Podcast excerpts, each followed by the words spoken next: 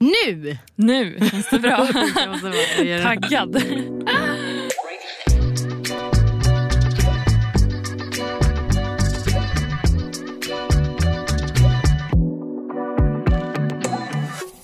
och hjärtligt välkomna tillbaka till Break It Podcast.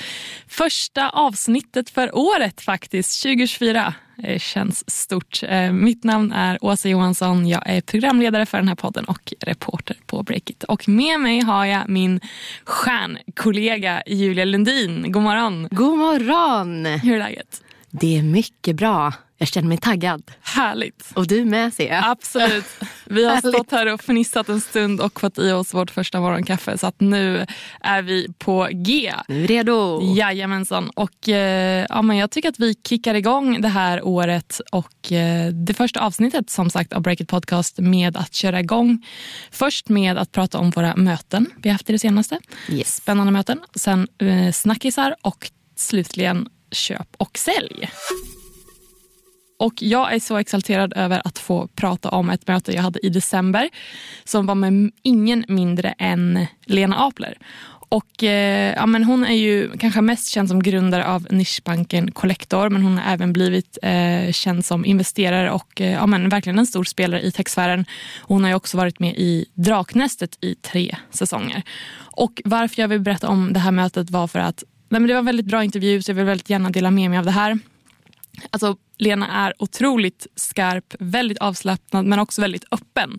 Så det var inte den här, eh, nu ska jag säga rätt saker till en journalist kändes som. du vet. Det var inte det här att det ska låta lite som ett pressmeddelande i intervjun utan det var verkligen ett bra snack. Hon känns frispråkig. Ja, nej men verkligen. Det var hon.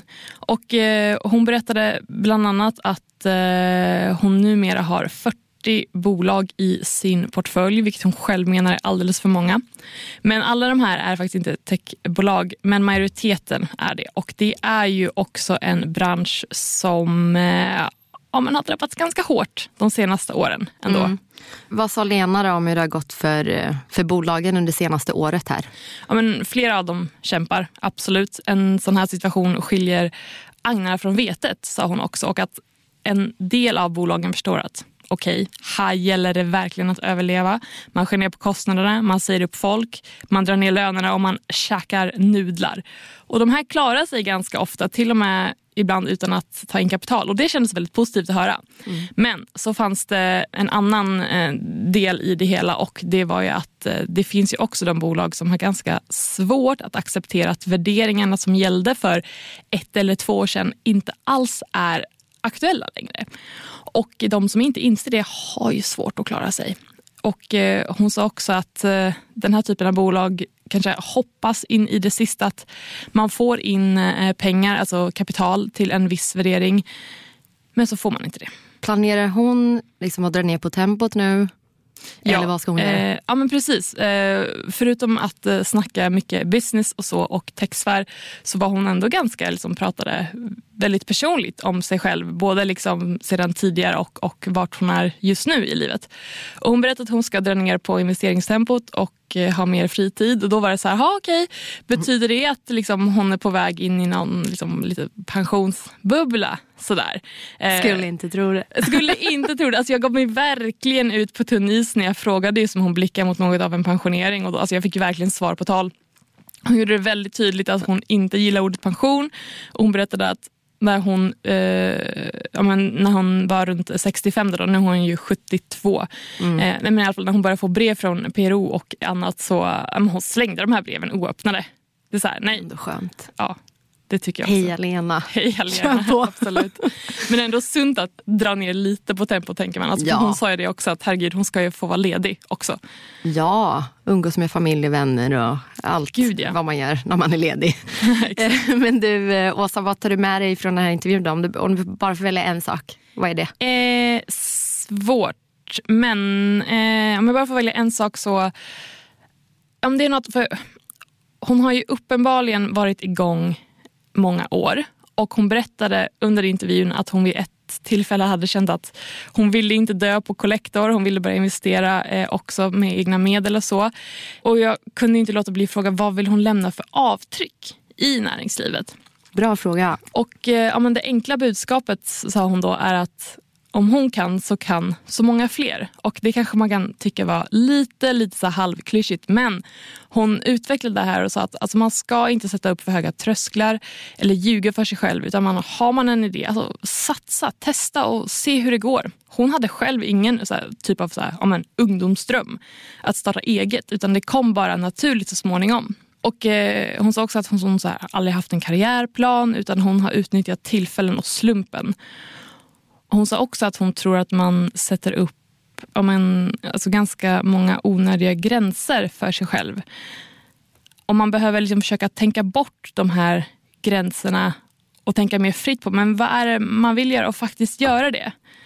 Och slutligen, man behöver inte vara älskad eller omtyckt av alla hela tiden. Och jag tänker att det kan man ju verkligen, alltså allt det här kan man ju verkligen applicera eh, såklart på när det handlar om entreprenörskap men också i andra aspekter av livet helt enkelt. Så ja, det här var en väldigt eh, givande intervju att göra och sen skriva. Så har du inte läst den, du som lyssnar, in och läs på breakit.se. In och läs. Men nu vill jag höra om ditt möte. Ja, men jag tänker så här att jag kommer inte bara välja ett endast möte utan jag väljer möte i grupp idag. Jag wow. väljer investerarna, tech-investerarna. För det är så här att eh, vi har ju lämnat ett, ett rätt tungt år bakom oss på kapitalmarknaden. Mm. Och techsektorn har gått igenom en riktig stålbad på grund av, ja men ni vet ju, hög inflation, höjda räntor och så vidare. Och det här har ju slagit extra hårt mot riskkapitalet som går till just eh, startups. Då. Och det här är ju jättedeppigt för bolag som fått kämpa eh, längre än vanligt med att få in pengar och som du också sa med, med Apler-intervjun, alltså till lägre värderingar såklart mm. om man får in pengarna. Men nu spirar en framtidstro. Härligt va? Redan? Det är lite härligt att höra det wow. tycker jag. Ja. Berätta mer. Jo men det kommer bli ljusare för investeringar eh, i tech. Det här är i alla fall då en bild som förmedlas av fyra investerare som jag eh, bad trendspana för 2024 helt enkelt. Mm. Och de här är då Hjalmar Didriksson på Alfven och Didriksson, eh, Sandra Malmberg på EQT Sabina Visander på Crandum och Evelina Antila på Well Street. Och vad tror du kommer hända i år då? Nu blir man ju väldigt nyfiken här. Ja, men jag tänkte jag kan kort summera då de här viktigaste punkterna som de eh, berättade för mig helt enkelt. De tror alltså att börsnoteringarna kommer tillbaka och att det blir eh, fler affärer i den privata miljön för att förväntningarna kommer ner och investerarna blir mindre nervösa. De har ju mm. varit ganska nervösa nu och slänga ut liksom nya pengar. De har satsat mycket på bolagen som redan finns i portföljen, alltså befintliga bolag. Men nu börjar vi se lite mer röra på sig.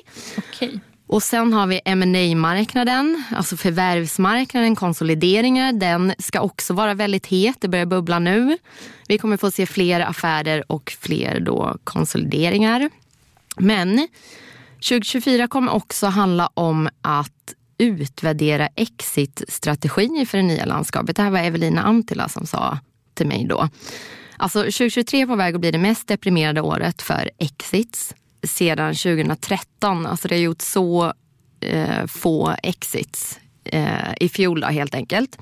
Och Evelina sa då till exempel att eh, den värdering som betyder något är just den vid en exit och resten är bara konstgjorda milstolpar för att ta sig dit helt enkelt. Det är så det fungerar. Okay. Och många har liksom upplevt hur svårt det är att göra eh, en bra exit och sälja sitt bolag. Så därför kommer man jobba betydligt mer med det här nu då, under 2024. Eh, något annat som man måste hålla koll på är EUs kommande AI-förordning. Ja. Det här har vi skrivit en del om på Breakit, eller hur? Lite grann har vi, har vi tagit upp det här åtminstone. Och här kommer ju krav kring träningsdata då, eh, sätta press på både affärsmodeller och compliance. Och Google, enorma giganten Google ja. kanske kan klara av det här men det kommer att bli en utmaning för startups och då även för investerare menar hon här.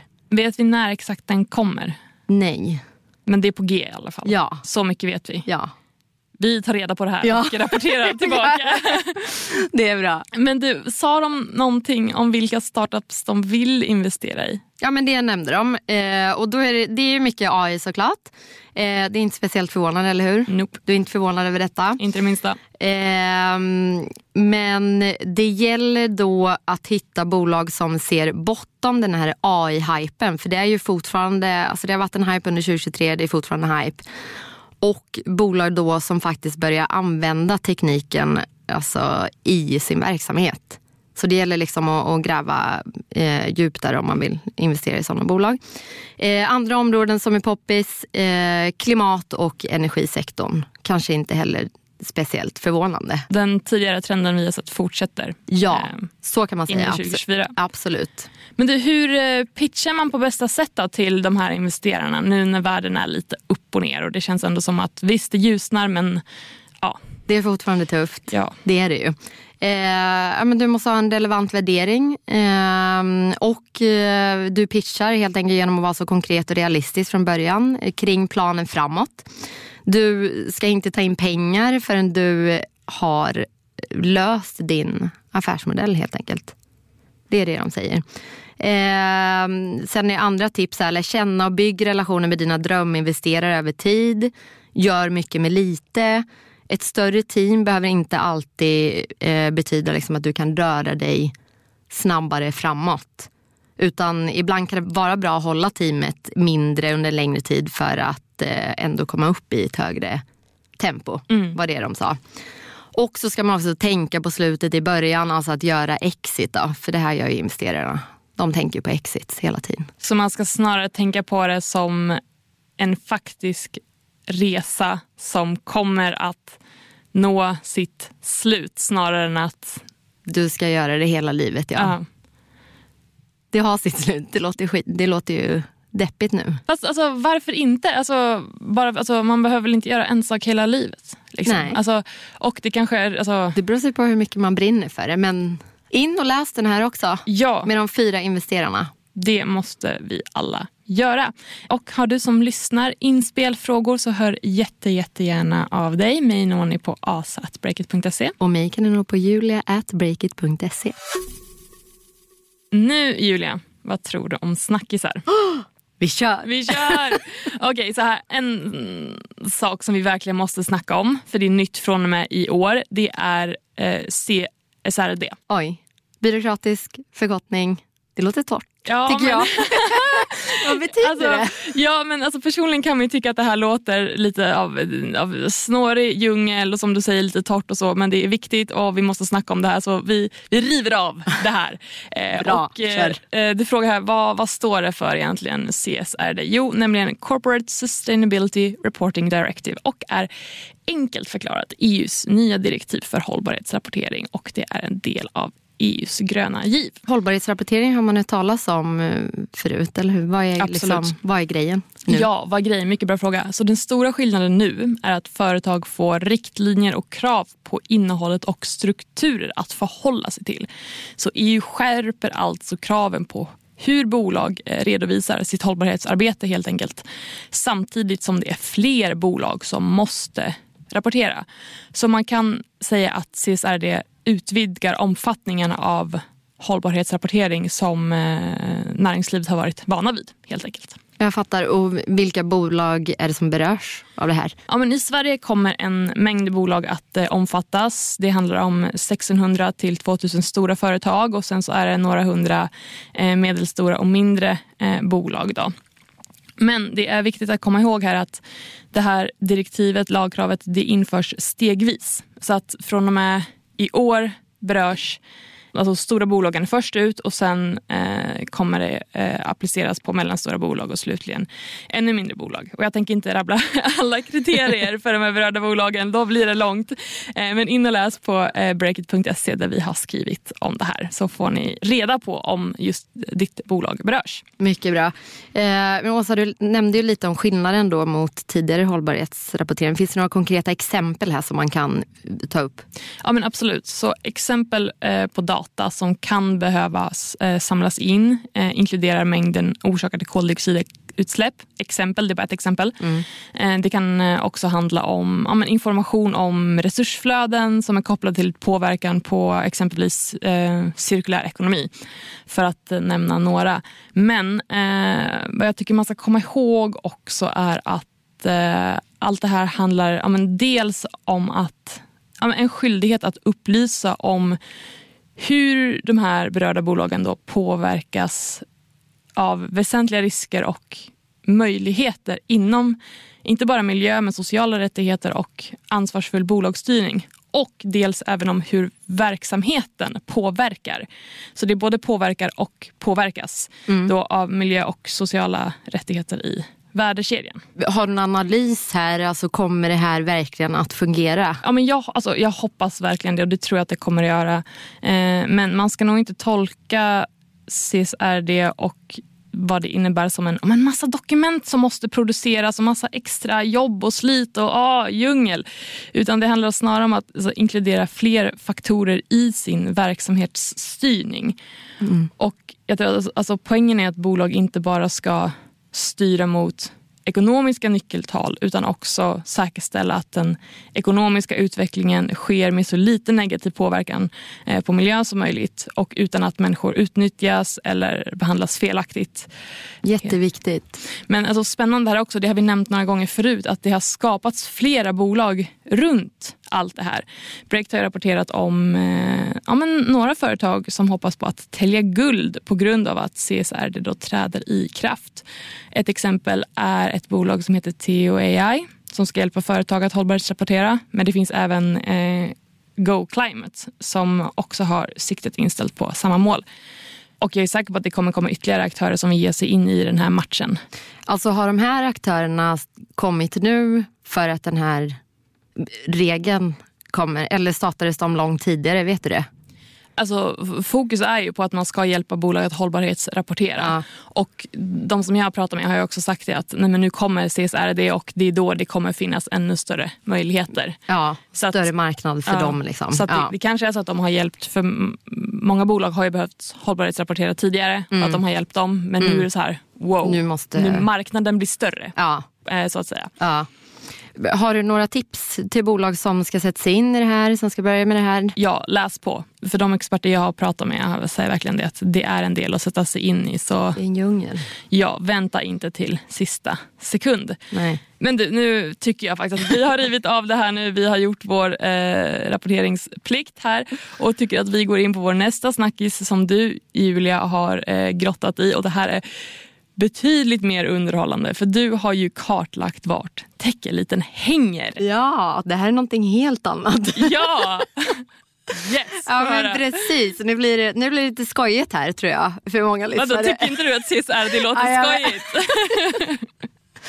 lite grann. Men det här, det här är roligare. Men hotspots då för Sveriges investerare, fondförvaltare och entreprenörer. Heta platser att hänga på. Vem vill inte veta eh, om de här platserna.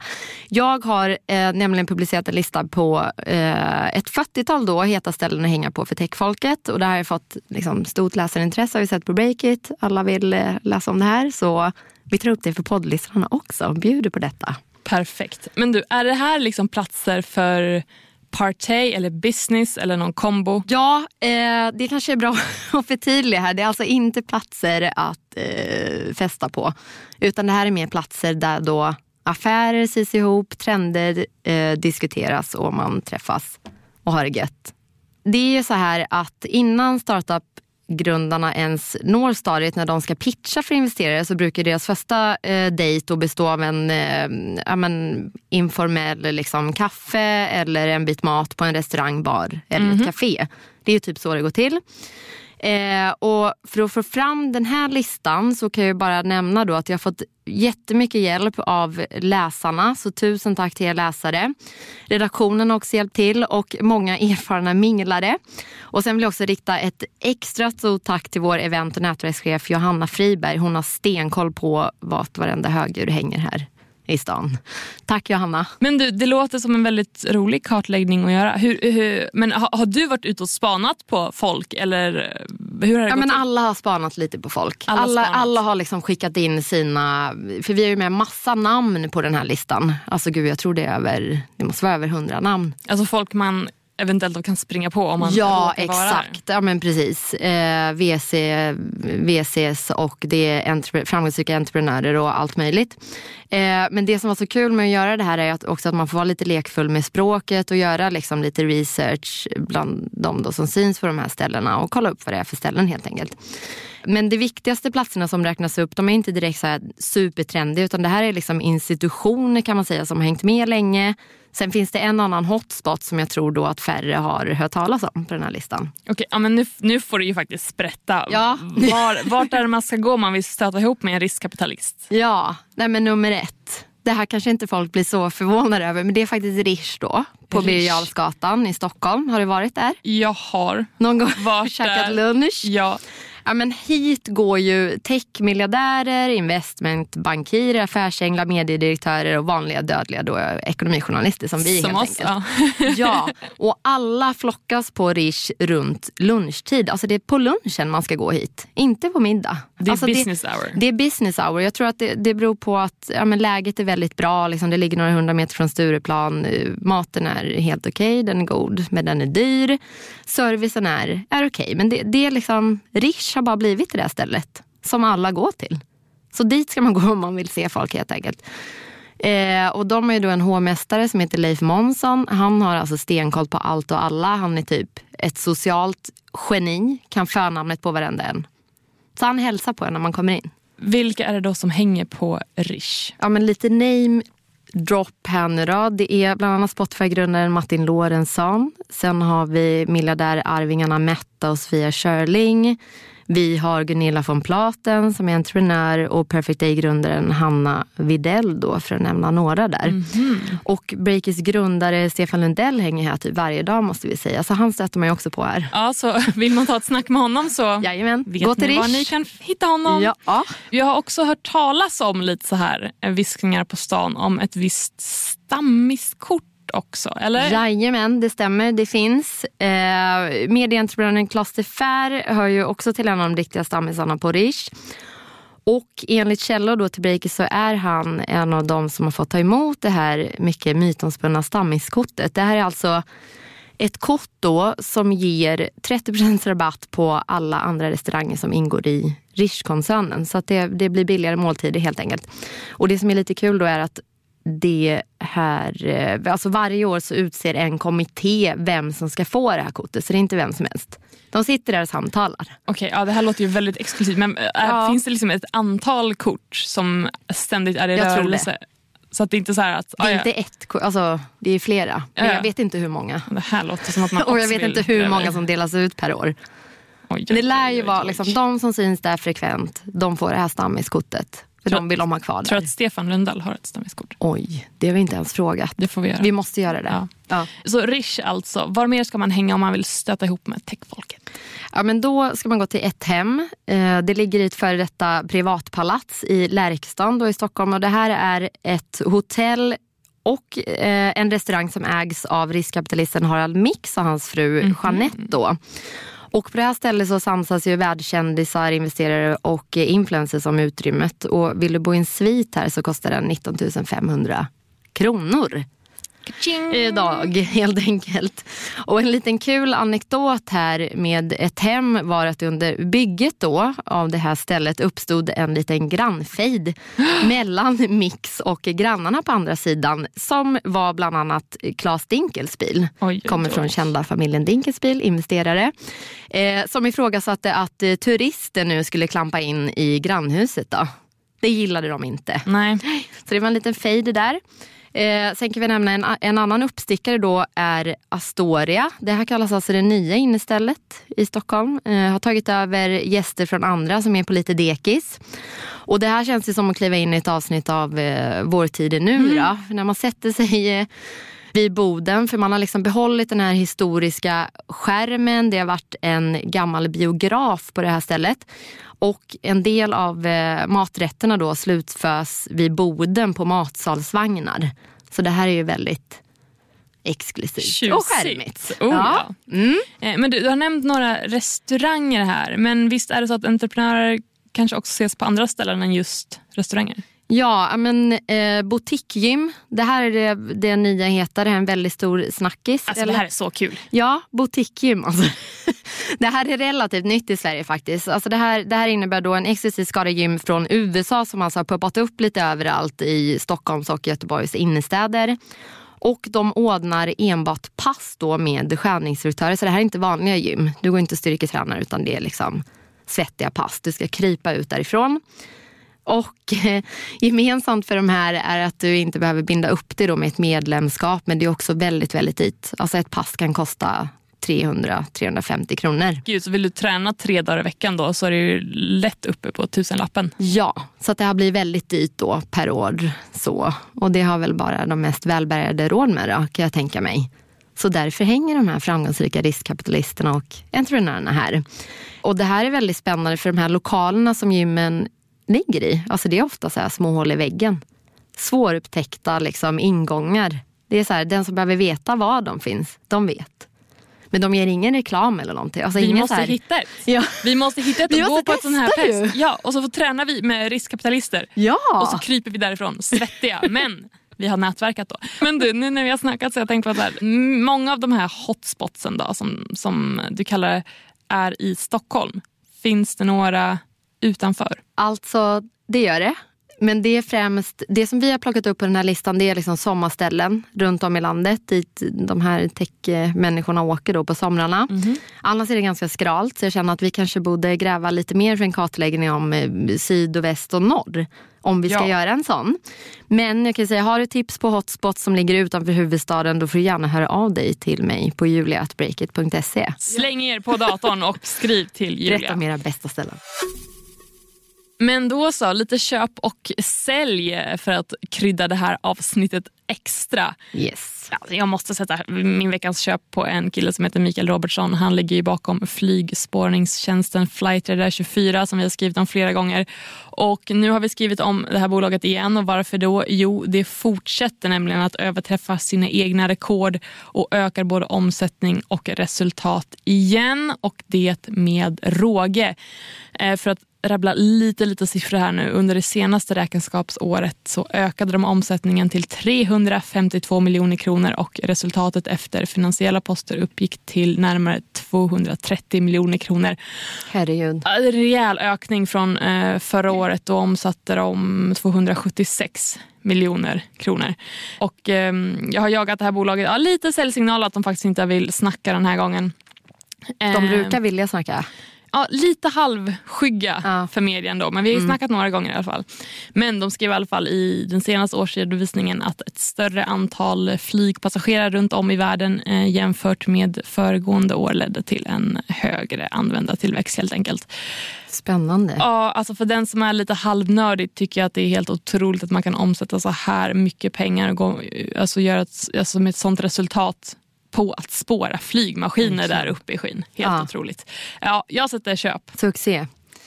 Mitt köp då, då sätter jag Soundcloud där. Det var snart 20 år sedan som svenskarna Erik Kedenius Valfors och Alexander Ljung fick idén till Soundcloud i Berlin i Tyskland.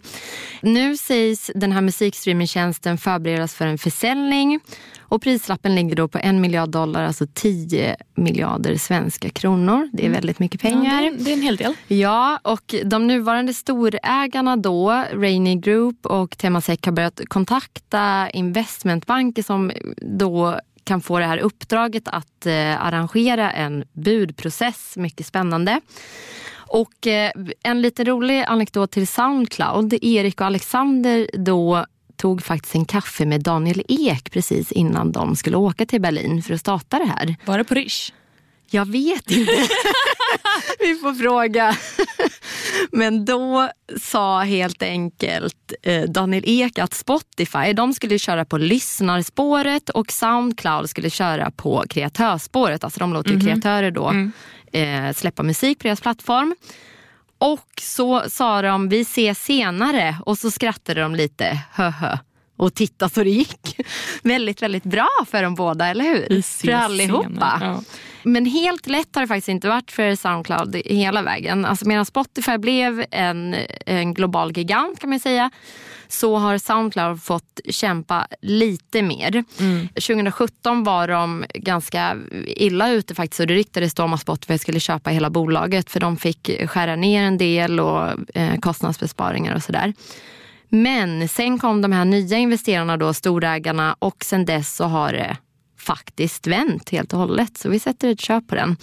Och det ska sägas då att Soundcloud själva har valt att inte kommentera uppgifterna om en försäljning. Ja, vi får ligga på där helt enkelt. Yes. Ja, eh, sälj då. Jag sätter min veckans sälj på Foundever och Klarna för att de, eller några av dem i alla fall, som jobbar på Foundever, det är alltså bolaget som sedan i höstas sköter kundtjänsten åt Klarna, verkar inte ha det särskilt toppen. Och det här handlar om anställda som är baserade på Sypen och det är ganska unga anställda i fråga som tydligen då lockas dit med löften om att eh, få växa som människa och eh, i karriären och så vidare. Och det är tidningarna Arbetet och Arbetsvärlden som i en gemensam granskning har pratat med flera av dem som har varit anställda på det här bolaget och eh, de flesta vill vara anonyma för ja, de är lite rädda för eh, repressalier faktiskt. Och det handlar helt enkelt om eh, låga löner eh, utan OB-tillägg. Eh, det finns också vittnesmål om eh, obefintlig sjukersättning. Eh, man klockas när man ska gå på toaletten. Eh, trakasserier från chefer eh, och sånt. Ja, det låter riktigt illa helt enkelt. Men Klarnas eh, presschef Amanda Larsson eh, ger en helt annan bild än vittnesmålen från de här Foundever-anställda på Cypern och säger att eh, bolaget är noggrant eh, utvald partner och delar Klarnas etos och engagemang för sina team. Så ja, mm. två helt olika bilder där men jag sätter ändå sälj. Och eh, mitt sälj blir då Order Hero som eh, ett bolag som erbjuder beställningssystem för restauranger som i veckan ansökt om konkurs. Och det här sker alltså bara två år efter att de har försökt börsnotera bolaget. Och det här har ju stormat en del då kring eh, Order Hero sen start kan man säga. Ja, verkligen. Kort efter Breakers första intervju med, med grundaren Alexander Goga så kunde vi då avslöja att Order Heroes lösning sågades av Skatteverket. Och huvudproblemet här låg i att tjänsten inte var integrerad med restaurangernas certifierade kassaregister helt enkelt. Och att de då samtidigt inte själva heller var något certifierat kassasystem. Så de här restaurangerna då som de hade som kunder riskerade därför att inte följa lagen om kassaregister. Så det var det här som var problemet. Okay. Och bland investerarna i Order Hero, här hittar vi bland annat techprofilen Ash Ponori, eh, Marcus Boström som var medgrundare till Studentum och Marcus Gullin då, som har grundat hungrig.se som senare såldes i Foodora. Och eh, när man lyssnar då på Alexander Goga själv så är orsaken till konkursen att bolaget befann sig i en långt gången process för att säljas och när affären nästan var klar så förlorade bolaget sin F-skattsedel. Och när de förlorade sin F-skatt så tvingades de att skjuta på det här förvärvet och det här blev alltså spiken i kistan för Order Hero. Då. Sen så har inte eh, Alexander velat prata någonting med Breakit men han har svarat på våra mejl med en lite lurig kommentar som gjorde oss alla på redaktionen rätt chockade. Ja. Som var? Vi, vi säger den. Han skrev helt enkelt fuck off, ha en fin dag. Hårt men ändå ett trevligt avslut på något ja, märkligt sätt. Ha en fin dag. Meddelandet mottaget. Ja, ja verkligen. Ja. Vill minnas nu, eller minnas, han gick väl ut i dagarna va, med att eh, han skrev lite om det här på LinkedIn. Ja, eh, och Instagram. Också. Så han har själv, själv berättat om det. Liksom. Ja, men inte då för oss. Nej. Men då så Julia, otroligt härlig start på vårt Breakit podcast-år. här. Weho! Nu är vi igång! Känner du dig taggad? Ja! Yes! Du som har lyssnat, tack för att du är med oss och hör jätte, jättegärna av dig eh, med inspel ris och ros, eh, högt och lågt, eh, frågor i kommentarer. Mig når ni på asa.breakit.se. Och mig på julia.breakit.se. Då så, då tycker jag att vi tar helg. Hej då! Hej då!